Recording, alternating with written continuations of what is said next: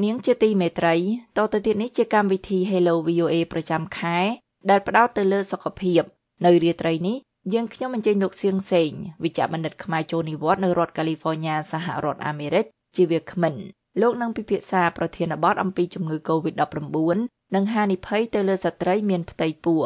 ចាស់ប្រិយមិត្តជាទីមេត្រីដើម្បីការពារការឆ្លងរាតត្បាតនៃជំងឺ Covid-19 បុគ្គលិក VOA បានបដូរមកធ្វើការងារពីផ្ទះ ហើយយើងថតទុកកម្មវិធី Hello VOA នេះដូច្នេះយើងខ្ញុំមិនអាចទទួលការហៅចូលដើម្បីសួរជាសំណួររបស់ប្រិយមិត្តជាបណ្ដោះអាសន្នតទៅទៀតនេះសំលោកអ្នកនាងស្ដាប់កម្មវិធី Hello VOA រវាងអ្នកស្រីស៊ូពេជ្ជន្តាដែលជាអ្នកសម្របសម្រួលកម្មវិធី Hello VOA នៅរាត្រីនេះជាមួយនឹងលោកសៀងសេងដូចតទៅ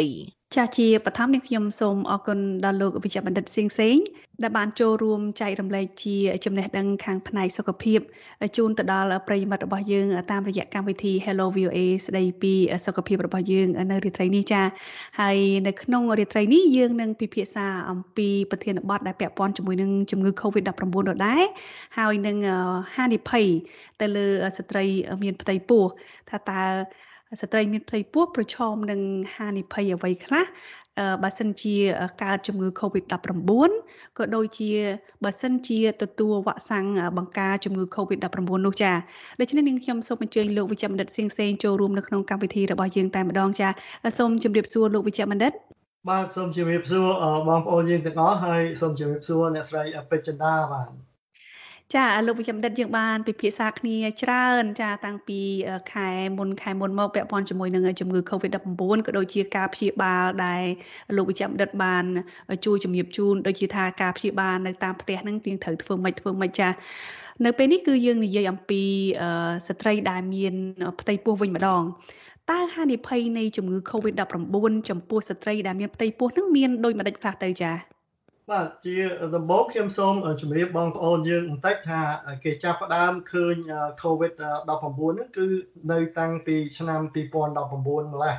ហើយមកដល់ពេលនេះរយៈពេលវាមួយឆ្នាំហើយ5ខែបានកន្លងផុតមកហើយ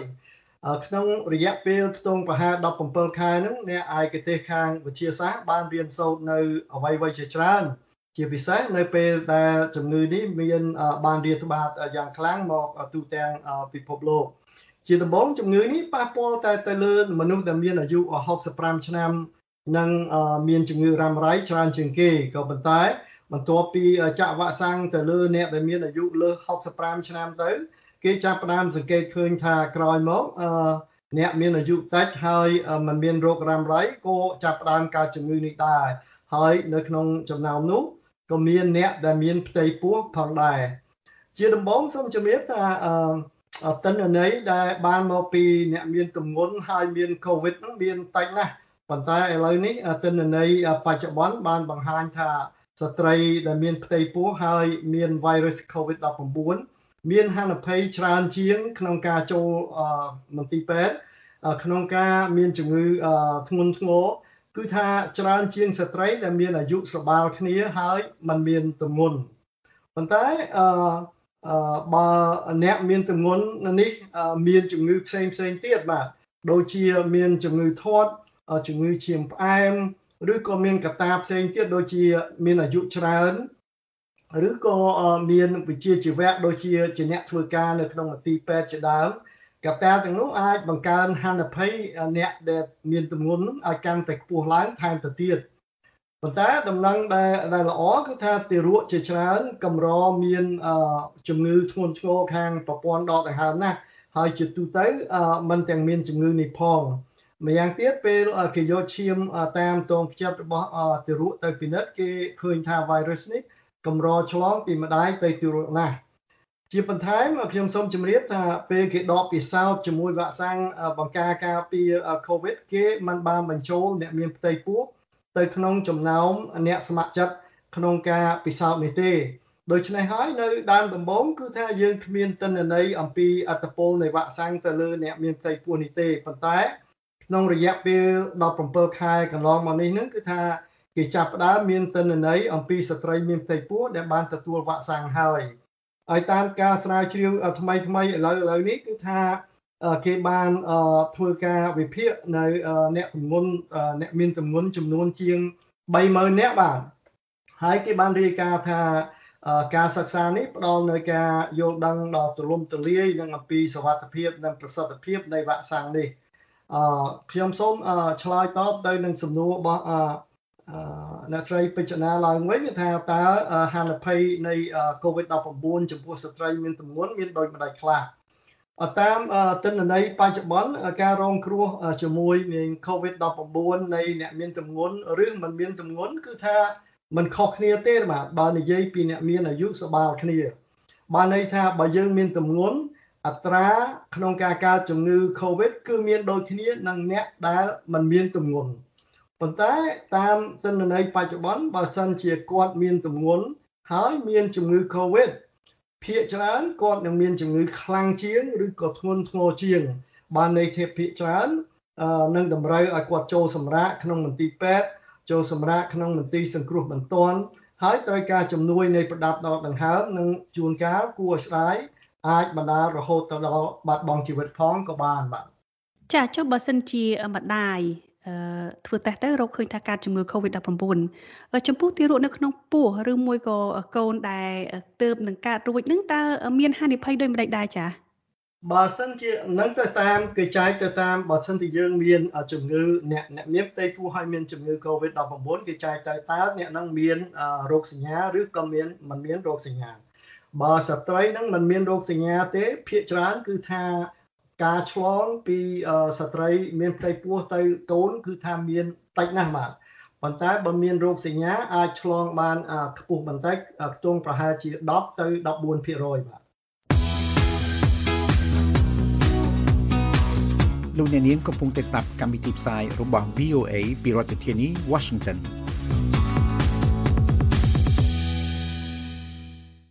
ចាលោកវិជ្ជបណ្ឌិតទើបតែមានប្រសាសន៍ការពីដើមថា វ៉ាក់សាំងនៅពេលដែលគេចាប់ផ្ដើមធ្វើតេស្តទៅលើអ្នកជំងឺចាទៅដល់មនុស្សធម្មតាគឺមិនទាន់មានការរួមបញ្ចូលស្ត្រីមានផ្ទៃពោះនៅឡើយទេប៉ុន្តែថ្មីថ្មីនេះគឺគេចាប់ផ្ដើមធ្វើការសិក្សាទៅលើវ៉ាក់សាំងដែលចាក់ទៅលើស្ត្រីមានផ្ទៃពោះតាមមកទល់នឹងពេលនេះគេចាប់ផ្ដើមចាក់វ៉ាក់សាំងបង្ការ COVID នឹងទៅលើអ្នកមានផ្ទៃពោះហើយឬនៅចាហើយចុះបើស្ត្រីខ្លះមានបំណងចង់មានកូន6ខែឬ1ឆ្នាំ ទៅខាងមុខទៀតនេះតើ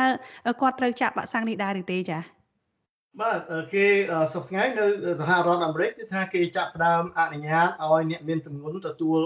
វ៉ាក់សាំងបង្ការ COVID ហើយដែរប៉ុន្តែនេះគឺស្ថិតនៅលើបំណងរបស់ស្ត្រីយើងម្នាក់ម្នាក់ថាតើខ្លួនចង់ចាក់ឬមិនចាក់បញ្ហាគឺថាយើងមិនទាន់មានទិន្នន័យគ្រប់គ្រាន់មែនទែនដូច្នេះគេមិនហ៊ានបង្ខំអ្នកឲ្យមានអ្នកអ្នកដែលមានទម្ងន់ ទាំងអស់ឲ្យទៅចាក់វ៉ាក់សាំងនេះទេប៉ុន្តែជាមួយគ្នានៅដែរយើងត្រូវទទួលស្គាល់នៅហានិភ័យដែលអាចបណ្ដាលឲ្យដែលអាចបណ្ដាលមកពីការមិនបានចាក់វ៉ាក់សាំងប៉ុន្តែបើបងប្អូនយើងឧបមាទៅបងប្អូនយើងរស់នៅក្នុងតំបន់មួយដែលសម្បូរទៅដោយអ្នកកើត COVID ហានិភ័យបណ្ដាលមកពីកើត COVID ប្រហែលជាខ្លាំងជាងហានិភ័យដែលបណ្ដាលមកពីការចាក់វ៉ាក់សាំង ឧទាហរណ៍បងប្អូនយើងខ្លះដែលធ្វើជាបុគ្គលិកពេទ្យបងប្អូនពិតជាមានហានិភ័យច្រើនជាងអ្នកទៀតក្នុងការកើត COVID ក្នុងករណីនេះគ្រូពេទ្យឯកទេសជាច្រើនបានឲ្យយោបល់ថាការទទួលយកវ៉ាក់សាំងជាការល្អបើទោះជាបងប្អូនមានទម្ងន់ឬក៏មិនមានទម្ងន់ដូចខ្ញុំបានជម្រាបពីលើគឺថាពេលដែលពិសោធន៍ជាមួយវ៉ាក់សាំងគេមិនបានយកអ្នកទម្ងន់ទៅពិសោធន៍ទេដូច្នេះហើយបានជាយើងមិនមានទិន្នន័យអ្វីដែលអាចអឺ ឆ្លើយទៅសំណួរថាតើពេលយើងមានគបប្រសិទ្ធភាពសវត្ថភាពវ៉ាក់សាំងមានយ៉ាងណាដែរប៉ុន្តែឥឡូវនេះតាមទិន្នន័យថ្មីថ្មីគឺថាវ៉ាក់សាំងទាំងពីរជាពិសេស Pfizer និង Moderna គឺថាមានសវត្ថភាពនិងប្រសិទ្ធភាពល្អទៅលើអ្នកមានទម្ងន់បាទ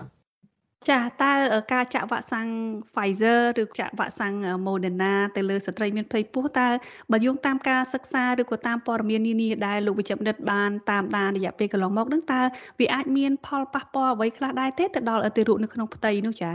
ភាគច្រើនគឺអត់ទេដូចខ្ញុំបានជម្រាបពីមុនគឺថាតាមពិតវាជួយទៅវិញពីព្រោះវ៉ាក់សាំងវាបង្កើតជា antibody ហើយគេបានស្រាវជ្រាវទៅឃើញថា antibody នេះគឺអាច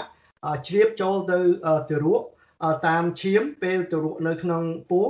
ហើយនឹងអាចជ្រាបជ្រាបចូលទៅក្នុងទារកពេលទារកកើតរួចមកហើយក្នុងការនៅពេលដែលយើងបំបើកដោះបំបើកកូនដោយទឹកដោះបានន័យថា antibody នឹងទៅជួយការពារកូនរបស់យើងបាទនៅក្នុងពោះនិងខាងក្រៅពោះបាទ ចាពាក់ព័ន្ធជាមួយនឹងវ៉ាក់សាំងនេះយើងឃើញថានៅក្នុងសហរដ្ឋអាមេរិកនេះគឺយើងមានវ៉ាក់សាំង3ប្រភេទចាគឺមាន Johnson and Johnson Pfizer ហើយនិង Moderna ហើយសម្រាប់នៅក្នុងប្រទេសកម្ពុជាវិញគឺយើងមានវ៉ាក់សាំងប្រភេទផ្សេងចាគឺមាន AstraZeneca មាន Sinopharm មាន Sinovac អីចឹងទៅ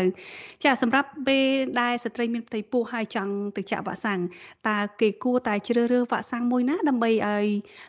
មានសុវត្ថិភាពទៅដល់ ស្ត្រីក៏ដូចជាទៅដល់ទារកនៅក្នុងផ្ទៃនោះហើយពីព្រោះថាព័ត៌មានថ្មីថ្មីនេះពាក់ព័ន្ធជាមួយនឹងរឿងវ៉ាក់សាំងគឺវ៉ាក់សាំង Johnson and Johnson កាគឺមានព័ត៌មានមកថាចាមានការបង្កឲ្យមានគ្រោះថ្នាក់ដល់ស្ត្រីដែលមានអាយុតិចជាង50ឆ្នាំនោះចា៎បាទចម្លើយគឺថាសប្តាហ៍នេះវ៉ាក់សាំងដែលបានចាញ់ប្រើច្រើនជាងគេហើយត្រូវបានគេធ្វើការសិក្សាឬក៏សង្កេតមើលដិតដល់ជាងគេ ជាពិសេសនៅសហរដ្ឋអាមេរិកហ្នឹងគឺថាវ៉ាក់សាំង Pfizer និង Moderna ហើយម្យ៉ាងទៀតដោយសារវ៉ាក់សាំងទាំងពីរហ្នឹងជាវ៉ាក់សាំងគេហៅថា mRNA ដូច្នេះវាមិនធ្វើឲ្យយើងមានការភ្ញាក់ផ្អើលខ្លាំងទេថាអនុសាសន៍តកតងទៅវ៉ាក់សាំងទាំងពីរគឺថាมันខុសគ្នាទេបាទគេចាត់ទុកវ៉ាក់សាំង Pfizer និង Moderna ជាវ៉ាក់សាំងតែមួយសូមបញ្ជាក់ថាគេមិនទាន់មានអនុសាសន៍ជាទូទៅ ថាតម្រូវថាអ្នកមានផ្ទៃពោះទាំងអស់ត្រូវតែចាក់វ៉ាក់សាំង COVID ទេប៉ុន្តែអង្គការធំធំជាច្រើនទាំងសហរដ្ឋអាមេរិក ទាំងកាណាដាទាំងប្រទេសអង់គ្លេសបាទបានយល់ព្រមព្រមគ្នាក្នុងការផ្ដល់វ៉ាក់សាំងទៅស្ត្រីមានផ្ទៃពោះពីព្រោះវាអាចកាត់បន្ថយហានិភ័យនៃអ្នកមានទម្ងន់កុំឲ្យចូលសម្រាកក្នុងពេទ្យដោយសារមានជំងឺ Covid និងកាត់បន្ថយហានិភ័យកុំឲ្យកើតកូនមុនខែចំណែកវ៉ាក់សាំង Johnson Johnson វិញគេមានជំនឿថា ហានិភ័យបណ្ដាលមកពីកើត COVID មានច្រើនជាងឬក៏ធំជាងហានិភ័យបណ្ដាលមកពីការចាក់វ៉ាក់សាំងដោយបងប្អូនដឹងស្រាប់ហើយគឺថាវ៉ាក់សាំង Johnson Johnson និង AstraZeneca មានករណីជាច្រើនដែលគេឃើញគឺបណ្ដាលមកបណ្ដាលឲ្យមានឈាមកកប៉ុន្តែសូមជម្រាបថាករណីឈាមកកគេមិនទាន់បានឃើញបញ្ហានេះនៅលើស្ត្រីដែលមានផ្ទៃពោះនៅឡើយទេបាទចាលោកវិជ្ជបណ្ឌិតបានមានប្រសាសន៍ថា ចាមានការព្រមព្រៀងគ្នារវាងប្រទេសប្រមាណប្រទេសដោយដែលលោកប្រចាំដិតបានជំរាបជូនអញ្ចឹងគឺថាមានការព្រមព្រៀងឲ្យថាចាក់វ៉ាក់សាំងទៅលើស្ត្រីមានផ្ទៃពោះទៅគឺដើម្បីបង្ការដើម្បីកុំឲ្យស្ត្រីមានផ្ទៃពោះហ្នឹងកើតជំងឺ Covid-19 ហ្នឹងមានស្ថានភាពធ្ងន់ធ្ងរចាចុះតើការចាក់វ៉ាក់សាំងទៅលើស្ត្រីមានផ្ទៃពោះឧទាហរណ៍ថាគាត់ព្រមចាក់វ៉ាក់សាំងអញ្ចឹងតើ ពេលណាទៅគាត់គួរតែទទួលវ៉ាក់សាំងនេះនៅពេលតើនៅពេលដែលគាត់មានផ្ទៃពោះនៅរយៈពេល3ខែដំបូងយើងហៅថាត្រីមាសទី1ឬក៏6ខែដែលជាត្រីមាសទី2នោះចា៎បាទតាមដែលអ្នកមានបទពិសោធន៍អំពីវ៉ាក់សាំងជាទូទៅនិងស្ត្រីមានផ្ទៃពោះគេ មិនគិតអំពីត្រីមាសទី1ទី2ឬទី3ឬទី3ទេបើបើពេលវេលាហុចឲ្យពេលណាគឺថាគេឲ្យយោបល់ថាគួរយើងទៅចាក់វ៉ាក់សាំងនៅពេលនោះប៉ុន្តែចំពោះខ្ញុំដែលធ្លាប់បានពិនិត្យស្ត្រីមានផ្ទៃពោះខ្ញុំមានជំនឿថាបើចាំដល់ត្រីមាសទី2ប្រហែលជាប្រសើរជាងពីព្រោះត្រីមាសទី1គឺជាពេលដែលទារកកំពុងទារកនៅក្នុងពោះកំពុងតែលូតលាស់ ហើយអត្រានៃការរលូតកូននៅត្រីមាសទី1វាច្រើនជាងត្រីមាសទីទៀតដូច្នេះខ្ញុំមិនចង់ឲ្យមានថ្នាំអ្វីឬក៏វ៉ាក់សាំងណាដែលប៉ះពាល់ទៅរកក្នុងរយៈពេលនេះទេប៉ុន្តែបើយើងរស់នៅកន្លែងដែលសម្បូរទៅដោយជំងឺ Covid សូមកុំចាំបាទសូមពីព្រោះហានិភ័យនៃការកើត Covid វាមានច្រើនជាងហានិភ័យនៃវ៉ាក់សាំង នេះគឺជាយោបល់ផ្ទាល់របស់ខ្ញុំទេមិនមែនជាយោបល់នៃឯកទេសទេប៉ុន្តែនៃឯកទេសគឺថាគេឲ្យយោបល់ថាយើងចាក់ពេលណាក៏បានដែរបាទគឺថាមិនចាំបាច់ទេមុនតំងន់តំងន់ក្នុងត្រីមាសទី1ទី2ឬទី3ទេបាទចាក់ពេលណាក៏បានដែរលោកអ្នកនាងកំពុងតែស្ដាប់កម្មវិធីផ្សាយជាខេមរៈភាសានៃ VOA ប្រភពព័ត៌មានជាទីទុកចិត្តតាំងពីឆ្នាំ1955 ចាឥឡូវនេះគឺនៅក្នុងសហរដ្ឋអាមេរិកគឺមានការទទួលបានវ៉ាក់សាំងច្រើនចាគឺចែកចាយនៅតាមតំបន់នានានេះហើយមានអ្នកបានចាក់វ៉ាក់សាំងហើយក៏ច្រើនដែរប្រហែលជាមានសំណួរជាច្រើនចាពីបងប្អូន ពីប្រិយមិត្តរបស់យើងថាឧទាហរណ៍ថាមានបងប្អូនឬមួយក៏មានពូមីងយាយតាចង់ទៅលេងទីរក់ដែលទៅនឹងកើតហើយតើមានផ្ដល់ផលវិបាកអ្វីខ្លះទេទៅដល់ទីរក់ដែលទើបនឹងកើតនោះតាចា បាទសប្តាហ៍នេះនៅសហរដ្ឋអាមេរិកអ្នកដែលចាស់ចាស់គឺថាចំនួនដែលអ្នកចាក់ថ្នាំចាក់វ៉ាក់សាំងហើយបានបានយ៉ាងតិចមកចូលទី1គឺថាមានដល់60%ហើយតាមដែលទិន្នន័យសប្តាហ៍នេះគឺថាបើយើងបានចាក់និយាយពីតាហើយនិយាយដែលបានចាក់វ៉ាក់សាំងរួចហើយ14ថ្ងៃបាទបានន័យថាចាក់ពេញលេញបើយើងយកពី Moderna និង Pfizer គឺថាយើងចាក់លើកទី2រួចហើយ ហើយ14ថ្ងៃក្រោយមកអាហ្នឹងបានន័យថាយើងបានចាក់ពេញលេញហើយបើយើងចាក់ Johnson Johnson បានន័យថា14ថ្ងៃបន្ទាប់ពីមកចូលទី1អាហ្នឹងក៏បានចាក់ពេញលេញដែរបើយើងបានចាក់ពេញលេញហើយបានន័យថាយើងអាចទៅទៅលេងជាមួយកូនចៅมันមានបញ្ហាអ្វីទេ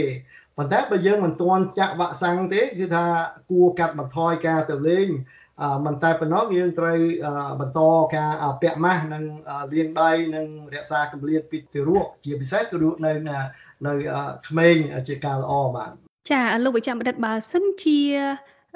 ម្ដាយគាត់មានការជំងឺ Covid-19 រួចហើយតើប្រព័ន្ធការពាររាងកាយនឹងដែលហៅថា antibody របស់ម្ដាយនឹង អាចចម្លងអានឹងទៅដល់កូនដែរឬទេចាស់កូននឹងអាចទទួលបានប្រព័ន្ធការពាររាងកាយនឹងពីម្ដាយដែរឬទេចាស់បាទតាមអនុសាសន៍ថ្មីថ្មីគឺថាអ្នកអ្នក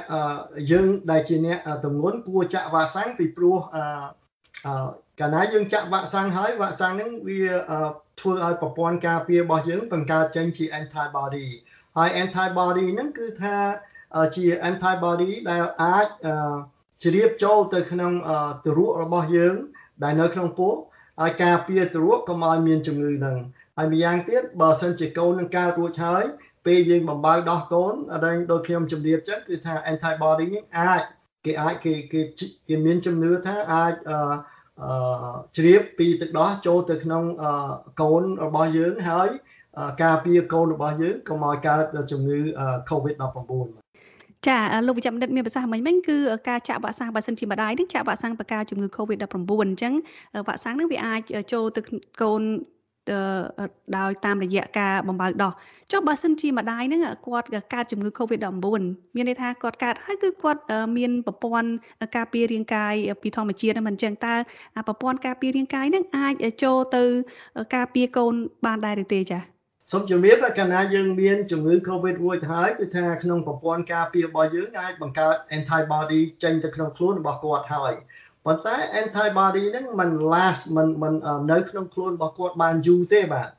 ដូច្នេះបានគេគេនៅតែចង់ឲ្យយើងទៅចាក់វ៉ាក់សាំងពីព្រោះបើយើងចាក់វ៉ាក់សាំង antibody ដែលនៅក្នុងខ្លួនរបស់យើងបាននៅក្នុងខ្លួនរបស់យើងយូរជាងអឺ យូរជាង antibody ដែលបង្កើតតាមប្រព័ន្ធការពារយើងពេលយើងមានជំងឺ COVID-19 បាទចាអញ្ចឹងសរុបសេចក្តីទៅគឺមានន័យថាបើទោះបីជាម្ដាយនោះគាត់កើតជំងឺ Covid-19 រួចហើយក៏ដោយគាត់ក៏គួរតែត្រូវទៅទទួលវ៉ាក់សាំងបកាជំងឺ Covid-19 បន្ថែមទៀតដែរបើទោះបីជាគាត់នៅពេលមានទម្ងន់ដើម្បីការពារខ្លួនឯងក៏ដូចជាទារកនោះបានកាន់តែខ្លាំងថែមទៀតចាលោកវិជ្ជបណ្ឌិតសំណួរចុងក្រោយចាគឺមានមានពាក្យចចាមអារាមជាច្រើនដែលនិយាយថាវ៉ាក់សាំងបកាជំងឺ Covid-19 ហ្នឹងគឺអាចធ្វើឲ្យអ្នកដែលទទួលវ៉ាក់សាំងហ្នឹងលែងមានកូនបានតើរឿងនេះពិតឬទេតាសូមលោកវិជ្ជបណ្ឌិតជួយបញ្ជាក់ជូនបន្ថែមទៀតតើព័ត៌មាននឹងជាព័ត៌មានពិតឬមួយក៏យ៉ាងម៉េចដែរហើយតើហេតុអ្វីបានទៅជាលេចលឺជាព័ត៌មានអញ្ចឹងមកចា៎ ដំណឹងនេះគឺថាចាប់ផ្ដើមពីអតីតអ្នកធ្វើការម្នាក់នៅក្នុងមន្ទីរពិសោធន៍នៃក្រុមហ៊ុន Pfizer ដែលបានប្រកាសថាវ៉ាក់សាំង mRNA បណ្ដាលឲ្យខូចសុខភាពខាងបន្តពូជបានន័យថាអ្នកដែលចាក់វ៉ាក់សាំងរួចនេះហើយมันអាចមានផ្ទៃពោះឬក៏มันអាចមានកូនបានទៀតទេដែលពាក្យពេទ្យគេហៅថា infertility អ្នកធ្វើការម្នាក់នេះគឺថាតាមពិតគាត់ឈប់ធ្វើការជាមួយក្រុមហ៊ុននឹងជាង10ឆ្នាំមកហើយបាទ ដោយបងប្អូនជ្រាបស្រាប់ហើយគឺថាវ៉ាក់សាំងនេះគឺថាការពារយើង ដោយបង្គាប់ប្រព័ន្ធការពារយើងឲ្យបង្កើតជា antibody ទៅប្រឆាំងនឹងបន្លាប្រូតេអ៊ីនរបស់ virus ប៉ុន្តែអតីតអ្នកធ្វើការនៅក្រុមហ៊ុន Pfizer ហ្នឹងគាត់មានជំនឿថាវ៉ាក់សាំងហ្នឹងដែលប្រឆាំង COVID អាចជំរុញប្រព័ន្ធការពារយើងឲ្យទៅប្រឆាំងជាមួយនឹងប្រូតេអ៊ីនមួយយ៉ាងដែលគេហៅដែលមានឈ្មោះថា syncytial homologous ដែលមានរូបរាងវាដូចស្តៀងបណ្ដាប្រូតេអ៊ីនដូច្នេះហើយបានជាគាត់ជឿថាកាលណាយើងចាក់វ៉ាក់សាំងទៅវាអាចនៃ affect វាអាចផ្ដល់ផលវិបាកទៅលើអាដេញអាប្រូតអ៊ីនហ្នឹងហើយអាប្រូតអ៊ីនហ្នឹងគឺប្រូតអ៊ីនសម្រាប់សុខភាពរបស់សុខរបស់ស្ត្រីដូច្នេះគាត់ជឿថា អឺវ៉ាក់សាំងអាចសម្លាប់ប្រូតេអ៊ីនហ្នឹងហើយធ្វើឲ្យសម្លាប់សុខរបស់ស្ត្រីដូច្នេះมันអាចធ្វើឲ្យយើងមានកូនកើតប៉ុន្តែពិតទ្រឹស្ដីហ្នឹងគឺថាมันប្រកាសទេបាទពីព្រោះតាមតែគេសង្កេតមើលសប្តាហ៍នេះគឺថាអឺដោយបងប្អូនដឹងស្រាប់អីសុកមិនមែនចាប់ដើមកើតភ្លាមទេសុកភាគច្រើនកើតនៅ9អាទិត្យបន្ទាប់ពីយើងចាប់ដើមទម្ងន់ហើយដូច្នេះបើសិនជាអឺ វ៉ាក់សាំងនឹងដូច្នេះมันអាចបង្កើតឲ្យមានភាពគ្មានកូនបានទេព្រោះសុកមិនទាន់កើតផងពេលកូនកើត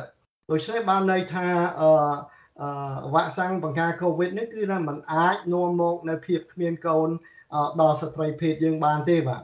ចាសសូមអរគុណច្រើនលោកវិជ្ជបណ្ឌិតសៀងសេងដែលបាន ចែកចាយចំណេះដឹងក៏ដូចជាបានបញ្ជាក់យ៉ាងក្បោះក្បាយពាក់ព័ន្ធជាមួយនឹងចម្ងល់ផ្សេងផ្សេងអំពីហានិភ័យនៃជំងឺ Covid-19 ក៏ដូចជាវ៉ាក់សាំងបង្ការជំងឺ Covid-19 ទៅលើស្ត្រីមានផ្ទៃពោះក៏ដូចជាទារកនៅក្នុងពោះម្ដាយនិងទារកដែលទើបនឹងកើតចាស់នាងខ្ញុំសូមបញ្ចប់កម្មវិធី Hello VOA តែត្រឹមនេះហើយយើងខ្ញុំនឹងមកជួបប្រិយមិត្តម្ដងទៀតនៅខែក្រោយចាសូមជម្រាបលាលោកវិជ្ជាបណ្ឌិតចា សូមជម្រាបលាអ្នកស្រីពេជ្រណាសូមអរគុណបាទសូមជម្រាបលាបងប្អូនទាំងអស់